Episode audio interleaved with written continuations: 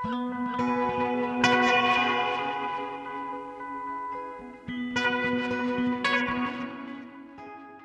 og sæl ágættu hlustendur, Guðni og Halla heils ykkur hér úr hljóðstofu Viðsjár þriðjutaginn 9. mæ. Í Viðsjáðu dag, kirsu berja blóma ljósmyndir, tónbill og glataði snillingurinn Norma Tanega. Katrín Elvarsdóttir ljósmyndari sínir nýja ljósmyndir í Berg Contemporary Gallery við klappast í þessa dagana. En síningin heitir 50 plöntur fyrir frið. Þar ljósmyndar Katrín gróður, bæði bananaplöntur og forláta kissuberja 3 sem eru fríðarták frá félögum sem að tengjast Japan og voru gróður sett í hljómskálagarðinum 2011. Við heimsækjum gallerið og ræðum með Katrínu í þætti dagsins. Í hörpu er um þessar myndir að finna síningu á verkum sem tengja saman myndlist, tónlist og eðlisfræði. Um er að ræða prentaðar myndir eftir tónlistarmannin Baldvin Hlinsson en í þeim fangar hann útlitt tónbilluna 12 í myndrænu formi. Hverju mynd fylgir svo teksti um viðkomandi tónbill í sögulegu samengi og fjallar um þá tilfinningu sem tónbillið hefur vakið eða þótt vekja í aldana rás. Við ræðum við Baldvin í þætti dagsins. Einnig fáum við pistil frá Teiti Magnúsinni sem hefur undanfarið fjallað um glataða snillinga hér í Vísjá. Já, þessu sinni segir Teitur okkur frá fjölistakoninni Normu Tanega. Tanega fættist árið 1939 í Kaliforníu, móðurinnar var frá Panama og fadir hennar hljómsveitastjóri af filipískum ættum.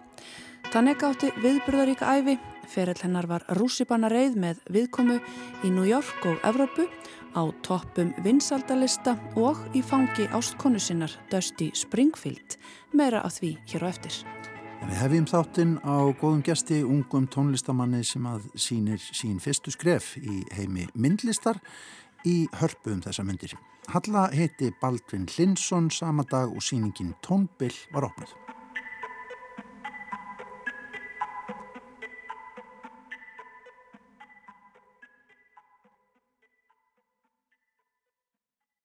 Baldvin Linsson, tónlistamæður, verður velkomin í Vísjá.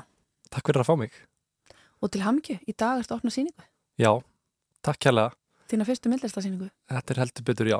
Mín fyrsta myndlistasíning. Já, einmitt. Ég... Þaul vannur því að koma fram sem pianisti og tónlistamæður en kannski ekki sem myndlistamæður eða eitthvað. Nei, þetta var svolítið svona, svolítið hliðaskref, sko. Já, ég er, er pianisti og, og pródusent og kom mikið fram sem slíkur en þetta er smá svona hliðaskref Einmitt. þessi síning Tónbil, lístu fyrir mér sér verki? Sko þú sérð, uh, þetta eru í grunninn tólf listaverk uh, eitt fyrir hvert tónbil. Um, tónbilin eru sem sagt tólf talsins og þetta er svona myndræn framsetning á tónbilunum Og leiðin að því að gera þessa myndrænu framsetningu, hún hefur verið eitthvað teknileg, segði mér frá ferlinu, bakvið. uh, þetta er svona svolítið vísindalegt, sko. Þetta, er, uh, þetta heitir sveiplu sjá, tækið sem maður er að nota. Það er tækið sem breytir, uh, svona, hérna, breytir hljóðbylgjum í myndrænt graf. Og þetta er eitthvað sem ég var að dunda mig við því bjóð í Stokkólmi. Þá þróaði ég með mér svona hliðar dellu því ég var ekki að æfa mig þá var ég að smíða mikrofóna og þá notaði ég svona sveiplusjá við að mæla mikrofónuna, mæla okkurna tíðnir og svona. Og mér dætti í huga að prófa að spila tónbil í gegnum sveiplusjána og setti myndbandaði á Instagram. Og það vald, hérna, vakti bara heilmikla aðtikli, fólki varst að merkilegt. Og það var bara hreinlega hérna, félagminn Ingólfur úr MH sem að hvarti myndi þess að halda svona myndlistar síningum með þessum verkum. Þannig að þú byrtir vídjó sem að síðar var aða ljósmynd eða hvernig? Já, já, ég spilaði tónbilinn sko mm -hmm. og hérna og þá var þetta myndband, þú veist og fólki fannst, þetta komið sko mjög falleg form út úr þessu þau voru ekki kringlót eins og verkin eru núna það var áðurinn í þróaða frekar uh, en já, sérst, verkin sem að eru til sínis í hörpu núna þau eru kringlót og það er svona ljósmynd sem er tekinn af vídjóirinninni. Einmitt. Þetta eru ólík form og svona daldi minna kannski pína mandölur? Já, einmitt. Þetta er hérna, þetta er náttúrulega bara náttúrulega form. Þetta er bara, þú veist, það hefur ábyggilega ykkur uppgötað þetta áður. þetta er sko, þessi form eru tengdi ykkur sem að heita uh, Lissasjú kurfur sem að margir svo sem þekkja sko, hérna, bæði tónlistamenn og myndlistamenn uh, en þetta eru rauninni svona starffræðilegar kurfur þetta er ekki alveg eins og þessi hefbundu Lissasjú form en þau eru kringlót og það er alveg ótrúlegt einhvern veginn þegar maður fyrir að rýna í bara sko náttúruna og eðlisfræði bara hvað náttúrun getur verið symmetrísk og falleg mm -hmm. Er ekki annan að horfa eitt kuðung til þess heldur betur En sko, hvað segja þess að myndi þér? Um, það sem ég veist kannski merkilegast í þessu öllu saman er að uh, myndirnar endur spekla mjög vel tómbilinn sko. Þannig að til að mynda þá er hrein áttund sem er hreinasta tómbilið það er svona, það inniheldur minnsta spennu, það form það er að segja að það er minnst skörun í því og þar á eftir kemur hrein fimmund sem er næst hreinasta tómbilið og er svona grunn stóð í íslenskri þjóðlega tónlist til dæmis.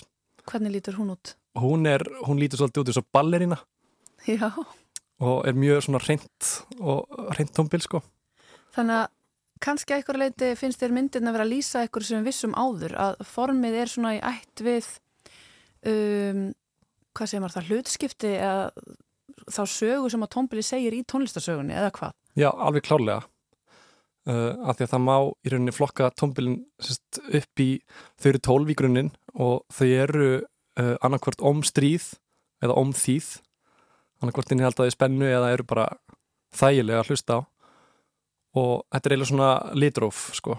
Mm -hmm. Þú ert með hljómborðina heldur betur. Nú vil ég bara fá að heyra Já. tómbil og lýsingu Einmitt. Hér er til dæmis sko reyn áttund sem ég talaði um fyrst sem er reynasta tómbilið Þetta er bara sama nóta í tveim mismunandi áttundum svo er reyn fimmund Þetta er svona uh, reyna fimmundin, hún getur táknað ímislegt uh, og hún er uh, getur táknað samastað í uh, vissum tilfellum. Bara í tilverunni? uh, já, bara í svona músiklega sko. þetta er svona heimarhljómur þú ert að koma hérna og svo kemur þau heim aftur sko. uh, og svo er uh, Reyn Ferund. Hún er mjög skild fimmundinni. En hún er eiginlega eins og fimmund á kvólfi Já, einmitt. Og, svo, og lítur hún þannig líka út myndrænt? Já, hún er nefnilega mjög svipuð fimmundinni, sko. Það eru uh, mjög svipuð formin sem myndast. Mm -hmm. En svo er nefnilega tómbil á milli hreinu fimmundarinnar og uh, hreinu ferundarinnar sem heitir stækkuð ferund og hún er yfirlega kölluð tónskrattin og það er óhrinnasta tómbilið af öllum. Hún hljóma svona. Einmitt, er þetta ekki eins og símasótt? Já, einmitt. Það er góð spurning. Það er svona gamlu símanum? Já, nú, nú kemur kynnslóðabilið, sko. Já, veist það ekki. Já, einmitt. Akkur er þetta skrattin? Um, þetta þótti bara að vera djöfulegt tómbil. Það er eitthvað svona mýta að þetta hefði verið bannað í kirkjum. Óhreint. Á árum áður, já. Við veitum ekki alveg hvort það sé satt, en, uh, en það er vissulega mýta og þetta er, en svo nefnilega verði þetta tónbíl grunnurinn að heitli tónliststefnu sem er jazztónlist. Þannig að uh, það byrjaði ekki vel fyrir stekkuðu verinduna en það bættist heldur betur upp fyrir það. Og fléttaði staðins áfram þessi saga. Já. Hvernig gerist það? Já, það er nú bara sko, hvernig gerist það? Það er nú bara þannig að uh, jazztónlist byggir mjög mikið á sjöndarhljómum og stækkuð ferund er grunnurinn í sjöndaljómum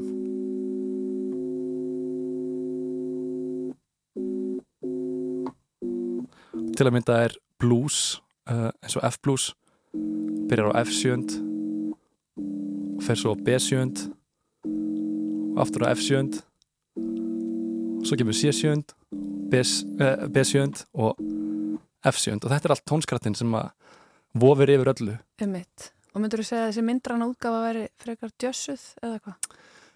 Hún er nokkuð djössuð. Uh, raunar er tónskrættin eina tónbili reyndar í þessari sériu sem að er ekki alveg eins og við þekkjum hann. Heldur er hann, það er tilnefnilega mjög mörg tónbil í heiminum sem við erum ekki vön í vestrætni tónlist og til að mynda er til tónskratti sem að er uh, þrengri heldur en sá sem við þekkjum og ég kaus að nota hann í staðin á síningunni af því að uh, tónskratti sem við þekkjum er mjög óhrinn Mhm. og myndin á hann verða líka og mér fannst þessi tónskratti bara falleri Einmitt. og þessi tónskratti er reyndar ómþýður Kannski fá síni.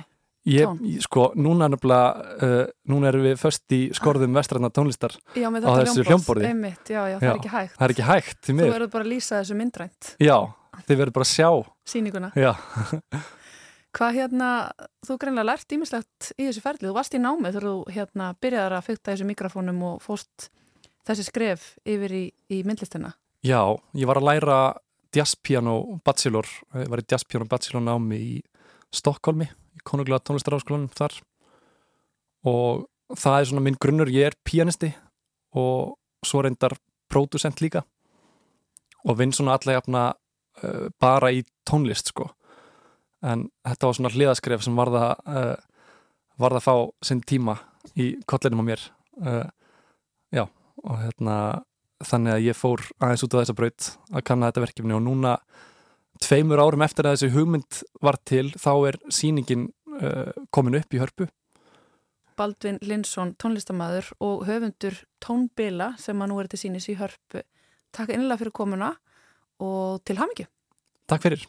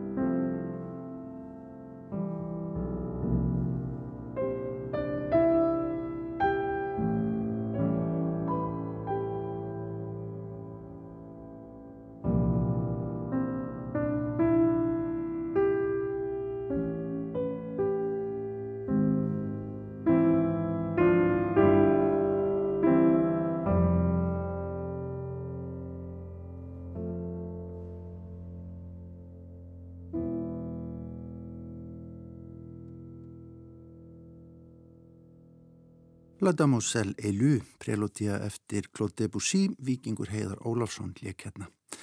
Þetta var leikið á eftir samtali höllu við Baldvin Hlinsson um síninguna Tónbill. Baldvin rætti þar meðal annars um tónskrattan, tónbilið sem að þótti svo óhreint og ljótt.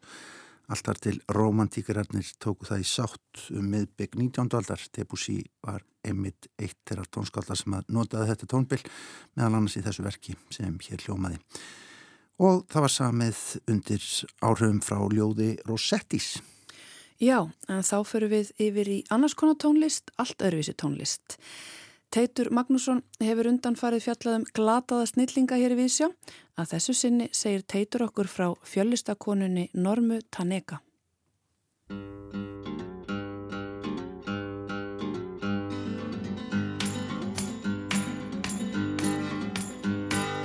sing if you want to live long. They have no use for your song. You're dead, you're dead, you're dead, you're dead and out of this world. You'll never get a second chance. Plan all your moves in advance. Stay dead, stay dead, stay dead, stay dead and out of this world.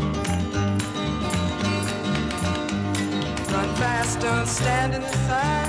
There's too much work to be done. You're down, you're down, you're down, you're down and out of this world.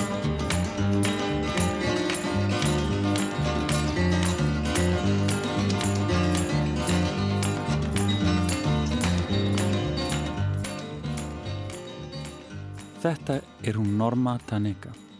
Við ætlum að fá að kynnast þessari dulafullu fjölustakonu í dag í pislahorninu Glataðir snillingar. Hvaðan kom hún? Hver var hún og hvert fór hún? Þessum spurningum og fleirum verður svarað í þessum pisli. Norma valhoppaði gegnum lífið á eigin fórsendum og ólíktu öðrum glötuðum snillingum sem hafa verið hér til yfirfyllunar var æfið hennar ekki eindum harmsaga. Hún saði nefnilega fljótlega skilið við sviðsljósið og lit sig hverfa eftir aðeins tvær soloplötur og kannski var það henni til haps. Ferill hennar var Rússibanna reið. Árið 1966 sló henni gegn á heimsvísu með folk-pop slagarunum Walking My Cat Named Dog og sama ár flutti hún til Englands þar sem hún hóf ástarsamband við Dusty Springfield. En uh, byrjum á byrjunni Norma Taneka fættist í janúar 1939 í Kaliforníuríki, nánu tildegi í borginni Vallejo í námunda við San Francisco. Móður hennar var frá Panama og fadir hennar hljómsveitastjóri af Philips-eiskum ættum sem stýrði stórsveit bandariska sjóhersins í 30 ár áður en hann stopnaði sína eigin sveit á þurru landi. Vera sjóhers bandaríkjana í Panama Allir því að foreldra hennar kynntust og feldu hugi saman á balli um borði herskipi og stopnuði kjölfarið fjölskyldu í Kaliforníu.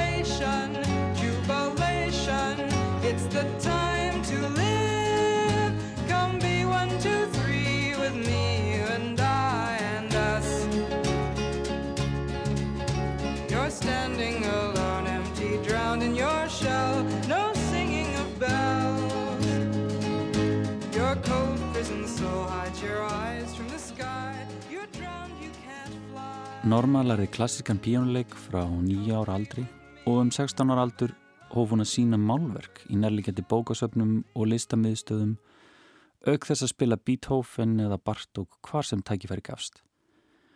Hún var einnig upplugt ljóðskald og eftir að hafa lokið námi í háskóla árið 62 fór hún í bakbókaferðalegum Európu í eitt sumar áður hún fluttist til New York borgar til að reyna fyrir sér í tónlist.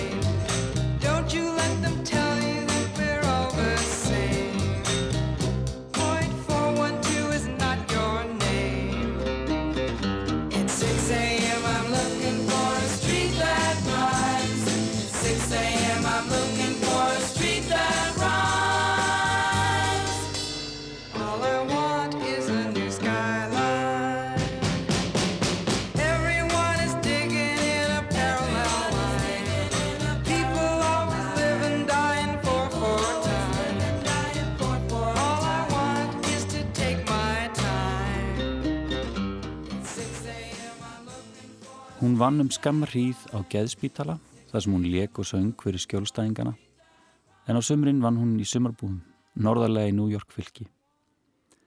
Það var þar sem Herb nokkur Bernstein upptökustjóri sá Normu spila meðan hann var í heimsókn.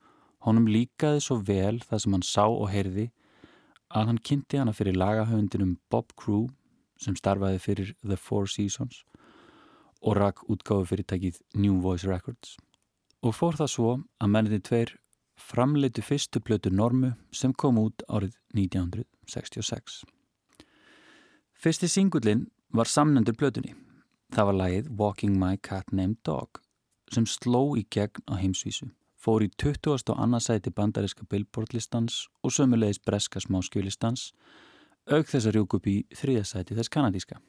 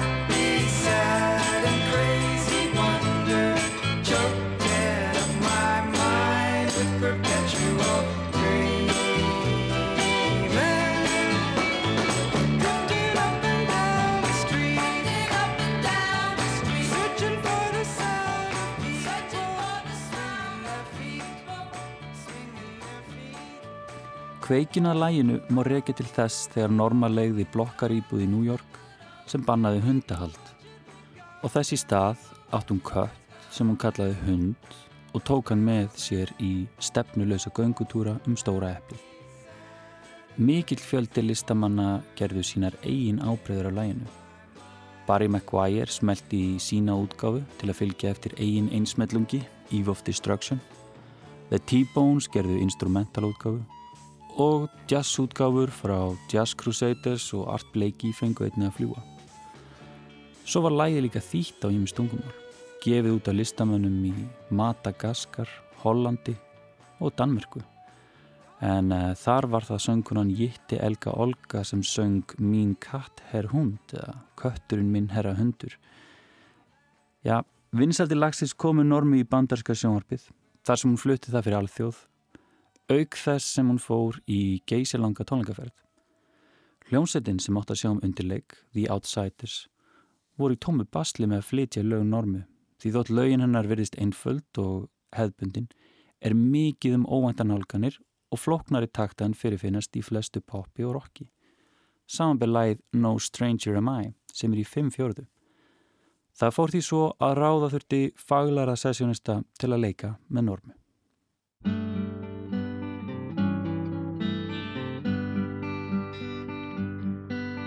Strange.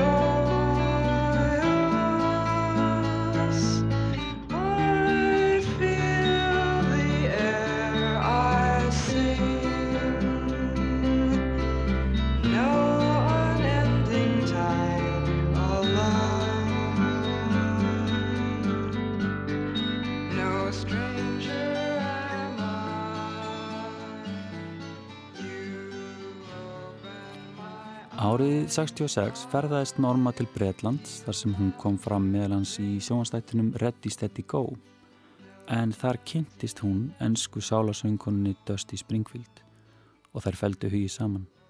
Eftir að Norma kom heim til bandaríkina heldu þær sambandi gegnum síma. Dusty fekk heiminn á hann símreikning í hausin og ákvaða að fljúa til New York og sambandið hófst fyrir alvöru. Í kjölfarið flög Norma á samt Dusty til Lunduna og byggu þær saman í fimm ár. Parið bjó í Kensington hverfi þar sem Norma helt áfram að mála málverk og semja lög. Dusty flutti og tók upp þó nokkuð af lögum eftir Normu. Hún gerði til að mynda sína útgafu af læginu No Stranger Am I. Lægið Come for a Dream samti Norma á samt Bossa Nova góðsögninni Antonio Carlos Jobim og kom það út árið 1972 á plötu Dusty Springfield See All Her Faces.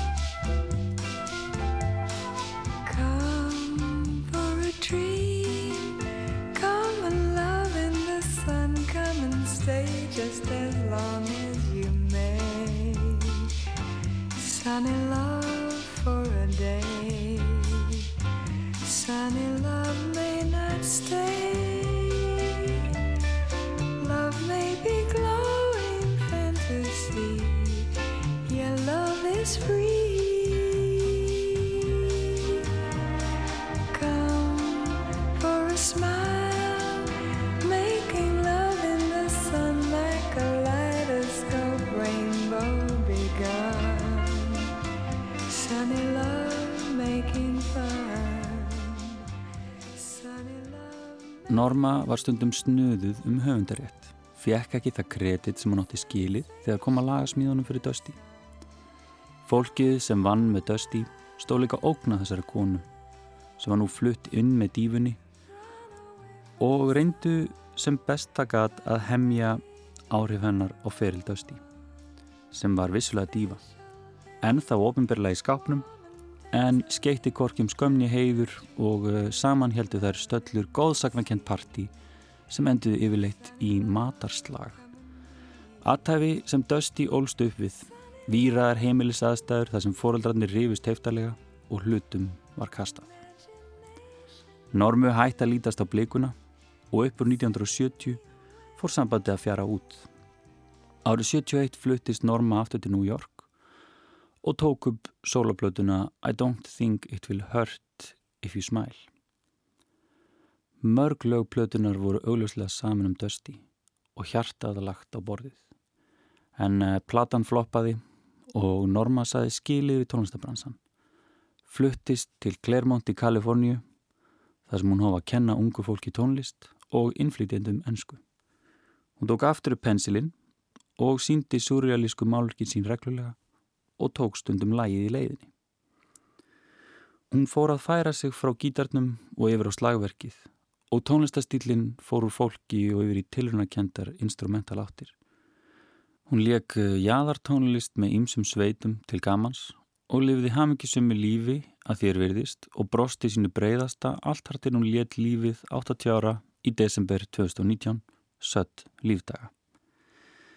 Í viðtalið sem hún veitti skömmuðan hún lést, sagði hún Tónlist á að vera til gamans. Ég hef alltaf verið of hláturmild til að geta verið alvarleg listamæður.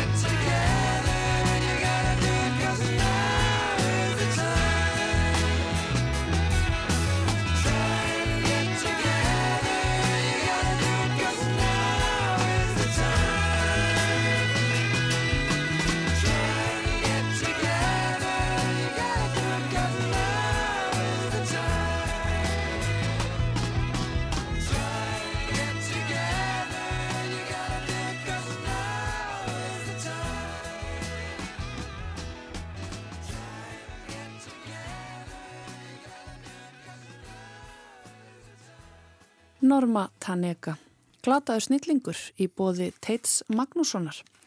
En þá fyrir við úr músikinni og yfir í myndlistina eða ljósmyndinar. Já, myndlist og, uh, já, hvað maður segja, plöndur. Um, hefur tekið eftir kissuberja plöndunum sem er í hljómskálgarðum alltaf? Já, ég hef tekið eftir þeim. Það eru nokkur tríðarna fyrir ofan uh, nær háskólanum þar. Já, já einmitt, einmitt. Akkurat þær tilhera eru hann innan um stitturnar, þetta er um stundum kallað að þetta hotn á hljómskálgarðinum. En þetta er sem sagt, eru plöndur sem voru gefna Reykjavíkuborg árið 2011 voru félög sem tengjast Japan sem að gáfu þessar plöndur til Reykjavíkinga og já, Íslendinga allra Þetta er fríðartákn og þessar plöntur þær hafa orðið innblástur Katinu Elvarstóttur sem að núna sínir síningu í Berg Contemporary við Klappastíg. Og síningin heitir 50 plöntur fyrir frið.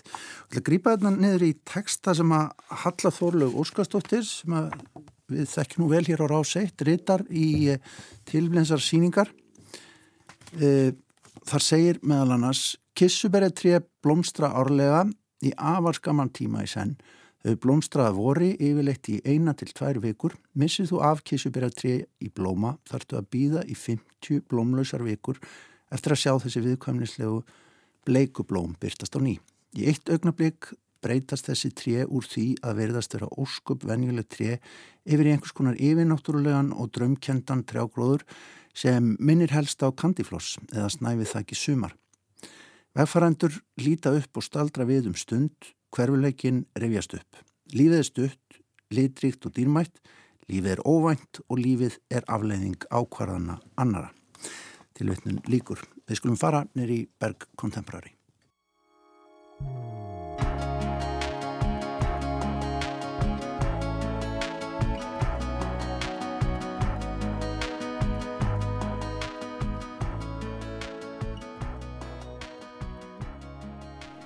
Viðsjá er komin í heimsókn í Berg Contemporary gallerið við Klappastíg. Þessa fallegu sali þar sem er svo gott að sína myndlist. Uh, hér er Katrín Elvarsdóttir búin að setja upp síningu sem var opnað bara um helgina síðustu og heitir 50 plöntur fyrir frið. Katrín falleg skilabúð hlýtur við byrjum á þeim. Hug, hvaða hugmynd er þetta sem hér kveiknar? Þetta er, sko hugmyndinu kemur frá þessum 50 kissuberjatrjám sem voru, er í hljómskólagarðinum og Íslensk-Japanska félagið e, gaf Reykjavíkuborg eða Íslandi, e, ég held, ég held nú Reykjavíkuborg og sagt, þetta er svona japansk hefð að, gefa plöndur e, sagt, löndum þá, þá sem svona friðar, vináttu e, skilabóð. Mm -hmm og mér fannst það svolítið áhugaverð hugmynd að, að það, það væri hægt að gefa öðru landi plöndu og þá er friður á milli landana já. eða allavega einfalt og gott, einfalt og gott kerfi sko já. Já, og þú fóst þarna neyrir og, og, og ljósmyndar eða hvað? Já, já, þannig að, að það sem er á síningunni hérna fyrst þegar maður kemur inn eru sagt, plöndur úr, úr hljómskólagarðinum mm -hmm. og þar sést aðeins í, í þar kemur kemur hendi inn að eru ekki manneskjur á neinum öðrum ljósmyndum. Nei. og um, sem sagt svo er það í salnum fyrir innan eru fleiri líka kissuberetríja svo er svolítið áhugavert að, að hérna í textanum sem hún Þórlaug skrifar þá er hún að tala um að þessi kissuberetríja þau blómstra einu svona ári og uh, mestara í tverrvikur Þannig að maður þarf að býða í 50 vikur eftir að sjá þau aftur í blóma. Þannig að talan 50 kemur aftur fram í samanlu við trían þarna í textanum hennar. Mm -hmm. eh, en, en síðan er sem sagt, eh, það sem er annað á síningunni eru aðra plöndur sem, að, sem að er ekki hérna í Reykjavík heldur í gróðurhúsum á Íslandi. Þetta er allt frá Íslandi. Ja. Þessar plöntur hérna vegna þess að þetta er, þetta er annar, annar jarðar gróður en bara þetta, þetta sem hún nefnir. Þú, hérna, þú, þetta er einhvers konar pálmar hérna eða hvað? Já, þetta eru þessi bananaplöntur úr þessi bananahúsinni í Hveragerði og ég byrjaði að mynda þær plöntur í Asíu 2019 og langaði uh, alltaf að fara aftur en, en sagt, fór ferðast ekkert í, í tvö ár þannig að ég sérsagt ákvaða að finna hérna á Íslandi sambarlegar plöntur og er búin að vera að fara þangað já, í, í 2,5 ár að mynda. Og þá aðalega sérsagt þessar svona framandi exotísku plöntur eins og, eins og þessar bananaplöntur og kaktusa og svona einhverja reysa, reysa plöntur sem eru vanur að sjá kannski bara blómabotti heima hjá fólki sem eru þarna í fullum skruða. Hver er svona hérna sögnin bak við, bak við bananplöntuna? Er hún friðar, friðarjúrt líka, veistu það? Eh, Nei, alltaf mjög margt, ég meina ekki að tala um bananalýðveldi og alltaf margt í pólitík sko fyrir vitna í og, bananar eru víst að deyja út eða eitthvað tíma var það í fréttum þegar ég var að byrja á þessu það var komin einhver sveppur sem var að drepa alla plöntur og ég veit ekki, ég hef ekki, ekki skoðað nýlega hvað, hvernig hvort þeir gáttu að redda því en það er náttúrulega bara örfalandi heiminum sem eru eru með, veist, eh, með alla framleysluna.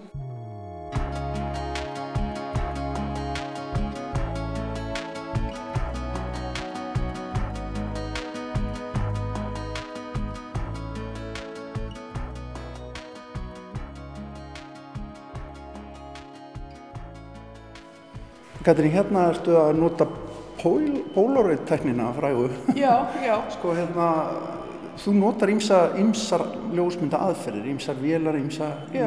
ímis formöld. Já, mér finnst það einmitt skemmtilegt og hérna er ég með, sérst, tók ég Polaroid myndi bæði sérst, eftir að sólinn var sest um, þetta er, náttúrulega, ég minna þetta blómstri í lok mæ hérna á Íslandi og hérna maður hefur náttúrulega ekkert endalessan tíma alltaf að ná þessu í, í blóma sko en, en hérna ég fór hérna nokkra ferði með, með Polaroid vélar og sem sagt ákvað síðan að því að þetta eru svo litlar filmur að skanna það inn og stakka það. Þannig að þetta er ekki Polaroid stærðin, þetta er stærra en það.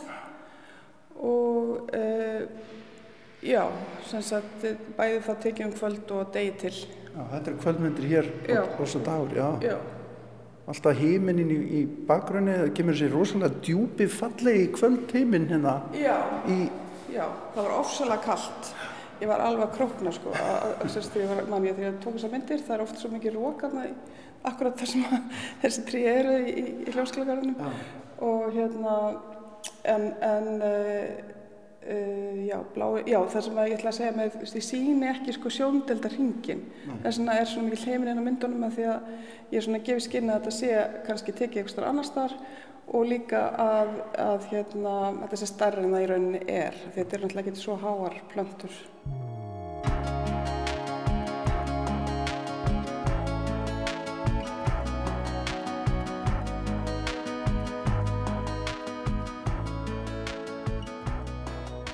nú er svona liturinn á þessum myndum líka dálítið sérstakur. Þessi, já, hann er nánast þetta eins og útfjólublár, eða Já. og mann ímynda sér að útfjólublár Já, sé. eiginlega. Já. Hvaða Þannig- tæknir þetta? Þannig að ég sem sagt, þetta eru sem sagt stafræna myndir uh, og síðan uh, er þetta sem sagt negatífi litir hef ég kallað þetta en, en þetta er sem sagt andstaðan við litin sem að er, sem við sjáum sko, sem er þá þessi grænlitir, þeir verða fjólubláir og eins og bananaplantan sjálf, hún er fjólublá eða blómið á henni, þess vegna er það grænt hérna. Sagt, eh, já, þetta vex svona upp og við uh, bananir í klösum og, og blómið sjálft er, er fjólublátt.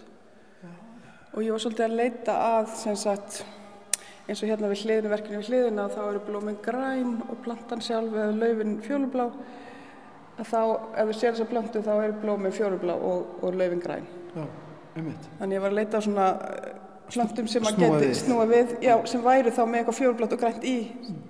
Hvað er það sem gerist við þetta? Meina, hvað, hvað er það sem að hillar þið við að snúa litnum svona við? Uh, ég byrjaði á þessu, mann ég hvort það var 2019, uh, sérst á síningu sem var hér og mér finnst þetta svona, náttúrulega þessi heimur þarna í gróðrúsunum er mjög framandi en þegar maður snýður þessu svona við og ég er líka með svartkvít, stór hérna svart, svartkvítur verk sem eru líka uh, sem sagt þetta er negatív, að þá er þetta svolítið svona eins og maður veit ekki alveg hvað þetta er. Þetta getur verið bara í einhverju framtíðar veröld eða, eða í einhverju svona tilhörnaverkefni út í heimi sko. og ég er svolítið kannski svona inspirerið af, af svona, hérna, verkefninu í, bandarækjunum sem var í Arizona uh, 80 eitthvað sem heitir Biosphere, Biosphere 2 og það er sérst heimildamind mjög góð um það verkefni. Þetta með að búa til bara jörðina upp og nýtt inn í einhverjum inn í kúlu, inn í kúlu og þau voru með sko, ég meina kóralrif og, og regnskóa allt hann inni sko. Já. þannig að kannski kemur svolítið svolítið svona bara ymsum áttum en, en, en þetta er svona þessi upplifin sem ég er kannski að reyna að fá fram með að gera þetta svona mm -hmm. Það er einna stór mynd inn endan, enda, á endavegg sem er svart hvít og þar sem að maður sér að jú, þetta er einhver gróður inn í einhverjum struktúr og þetta er aldrei eins og já, gróðurinn sem bara taka yfir. Sko, það er auðvitað það sem við sjáum fyrir okkur þegar við erum öll farin og hægt að eðlika í jörðina og þá komir gróðurinn og bara einhvern veginn kaffæri það sem við gerðum. Já, og það er líka kannski annað sem ég er að vinna með þessar síningu er sko hvernig við erum alltaf stjórnast með plöntur og, og gróður og ákvaða hvað vex hvar og, og hvern, hvert leiði það okkur og, og hvað hættum því og leiðum bara allir að vera viltu aftur og þetta er náttúrulega eitthvað sem hefur kallað á ennsku rewilding svona fyrirbæri sem, að, sem er mikið verið að, að, að gera tilhörni með núna. Og, og það fannst mér líka áhugavert sko að hugsa með þessi kissuberatré á Íslandi Já. það sem er svo kallt en þau þurfa að vísu líka kallt veður. En, en þau komum náttúrulega aldrei til með að luta út eins og þau gerir í Berlín sem var líka gjöf frá Japan. Já, já, eða í Washington veist, það sem þetta er bara risablandur sko. Ég var einmitt að horfa á svona kissberjatrið út í Toronto núna bara í, í síðustu viku Já. og feiki stórum að gengur undir löfkrónurnar sko en, og örglega kannski er það gafir frá hérna frá Japaninum en hvað finnst þér um sko þessa hugmynd þar að segja að segja við einhvern, hér er handa þér planta, hér er handa þér tré, hér er handa þér blóm já, já. Uh, við erum vinir eftir það, við verðum ekki óvinir Já, þetta er náttúrulega rosalega stort sko fyrir mig. Ég meina frábært það virkar sérstaklega í, ég meina í svona strís ástandi að ef það virkar það var náttúrulega ótrúlegt sko en ég veit ekki hvað, hvað, hvað sem vilja þýðinga það hefur í raun en, en þetta er bara blómið er náttúrulega svona tákn fyrir svo margt og bara svona frægar í ljósmyndir þannig að það sem að konan er að rétta hermönum, ég man ekki hvort það var í Afganstýrin, eða eitthvað, það var ekki heimstýrin Já, já, já, já. Eitthvað, eitthvað frans, fransk tenging, ég man ekki alveg. En allavega það, það er svona oft einhver, einhver svona augnablík þar sem að blóm og, og stríð og svona Já, takast á, takast á já, já. og í rauninni sakleysi blómsins er náttúrulega eitthvað sem við skiljum mjög vel og er, er skiptir skipti máli bara í heimskúlturnum og þetta er, þetta er fyrirbæri sem hefur heilla ljósmyndara mjög lengi. Mann eftir Mabelthorpe til dæmis ljósmyndum hansarblómum og, og já, já, já, já, já, það hefur heilla mig lengi en þetta er svolítið svona vand með farið, það er búin að gera svo mikið. Og, og náttúrulega í málverkinu líka. Svona, svona, þannig að, að hérna, já, ég var svolítið svona lengi kannski að vinna með þetta og svona finna mína leið hvernig, hvernig ég ætlaði að gera þetta því að það er búin að gera svo margt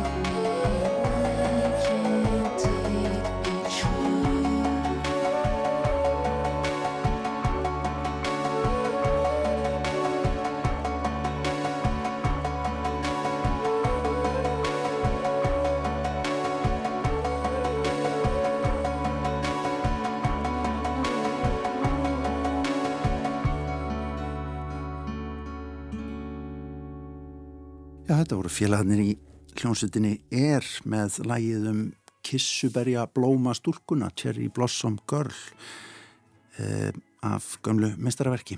En eh, við rættum hérna við Katrinu Elvarsdóttur, ljósmyndara sem að sínir verk sín á síningunni 50 plöndur fyrir frið í Berg Contemporary um að gera fyrir fólk að kíkja þangað til þess að sjá já, meðferð hennar á plönduríkinu. Já, spennandi síning. Er, eh, er ennþá hægt að sjá trén í blóma í ljómskalagarðinu? Ég held ekki lengur. Nú veit ég ekki, sko, þetta er alltaf annarkvært ár.